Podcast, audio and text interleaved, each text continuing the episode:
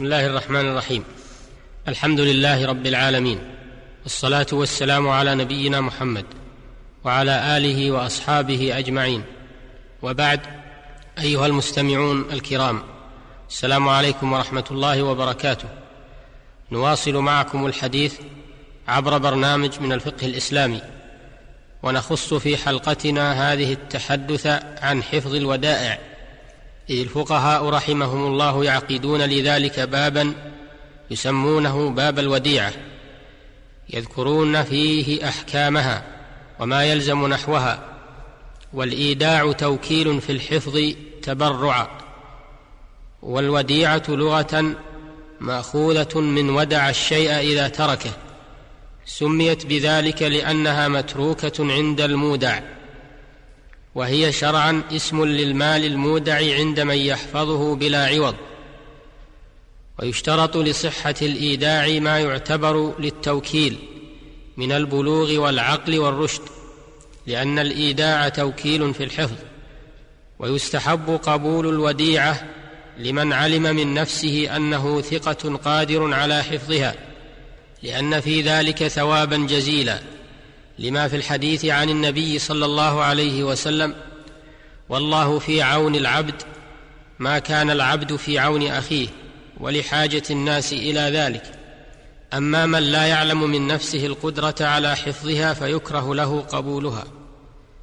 ومن أحكام الوديعة أنها إذا تلفت عند المودع ولم يفرط فإنه لا يضمنها كما لو تلفت من بين ماله. لأنها أمانة والأمين لا يضمن إذا لم يتعدى وورد في حديث فيه ضعف أن النبي صلى الله عليه وسلم قال من أودع وديعة فلا ضمان عليه. رواه ابن ماجه. ورواه الدار قطني بلفظ ليس على المستودع غير المغل ضمان والمغل الخائن. وفي رواية بلفظ لا ضمان على مؤتمن ولأن المستودع بحفظها لمالكها محسن في ذلك فلو ضمن لامتنع الناس من قبول الودائع فيترتب على ذلك الضرر بالناس وتعطل المصلحة.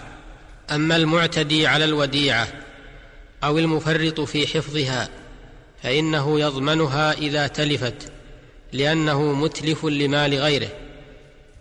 ومن أحكام الوديعة أنه يجب على المودع حفظها في حرز مثلها كما يحفظ ماله لأن الله تعالى أمر بأدائها في قوله إن الله يأمركم أن تؤدوا الأمانات إلى أهلها ولا يمكن أداؤها إلا بحفظها ولأن المودع حينما قبل الوديعة فقد التزم بحفظها فيلزمه ما التزم به. وإذا كانت الوديعة دابة لزم المودع إعلافها. فلو قطع العلف عنها بغير أمر صاحبها فتلفت ضمنها لأن إعلاف الدابة من كمال حفظها.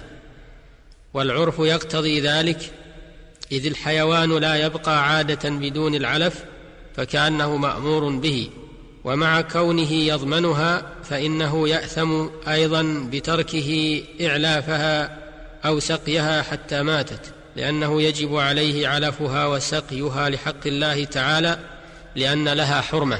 ويجوز للمودع أن يدفع الوديعة إلى من يحفظ ماله عادة كزوجته وعبده وخازنه وخادمه.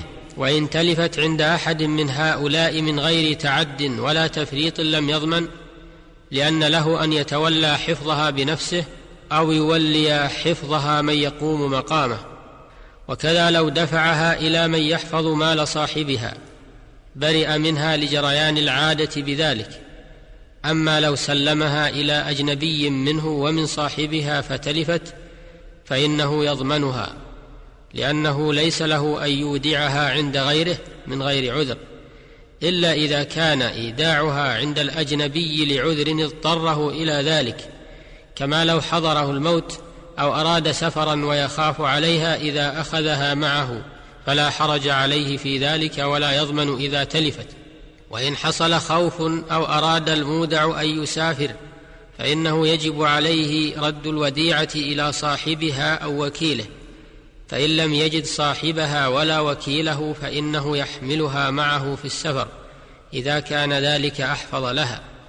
فإن لم يكن السفر أحفظ لها دفعها إلى الحاكم لأن الحاكم يقوم مقام صاحبها عند غيبته فإن لم يمكن إيداعها عند الحاكم اودعها عند ثقة لأن النبي صلى الله عليه وسلم لما أراد أن يهاجر أودع الودائع التي كانت عنده عند أم أيمن رضي الله عنها وأمر عليا أن يردها إلى أهلها. وكذا من حضره الموت وعنده ودائع للناس فإنه يجب عليه ردها إلى أصحابها فإن لم يجدهم أو لم يتمكن من ردها عليهم اودعها عند الحاكم أو عند ثقة. والتعدي على الوديعة كما لو أودع دابة فركبها لغير علفها أو سقيها أو أودع ثوبا فلبسه لغير خوف من عث وكما لو أودع دراهم في حرز فأخرجها من حرزها أو كانت مشدودة فأزال الشد عنها فإنه يضمن الوديعة إذا تلفت في هذه الحالات لأنه قد تعدى بتصرفه هذا والمودع أمين يقبل قوله إذا ادعى أنه ردها إلى صاحبها أو إلى من يقوم مقامه ويقبل قوله أيضا إذا ادعى أنها تلفت من غير تفريط منه لكن مع يمينه. لأنه أمين لأن الله تعالى سماها أمانة بقوله إن الله يأمركم أن تؤدوا الأمانات إلى أهلها ولأن الأصل براءته إذا لم تقم قرينة على كذبه. وكذا لو ادعى تلفها بحادث ظاهر كالحريق فإنه لا يقبل قوله إلا إذا أقام بينة على وجود ذلك الحادث.